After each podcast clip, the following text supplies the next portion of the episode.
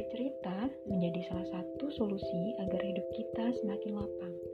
Di sepotong surat podcast, aku akan bermonolog mengenai ide-ideku, apa yang aku rasakan, dan apa yang aku lihat di sekitar.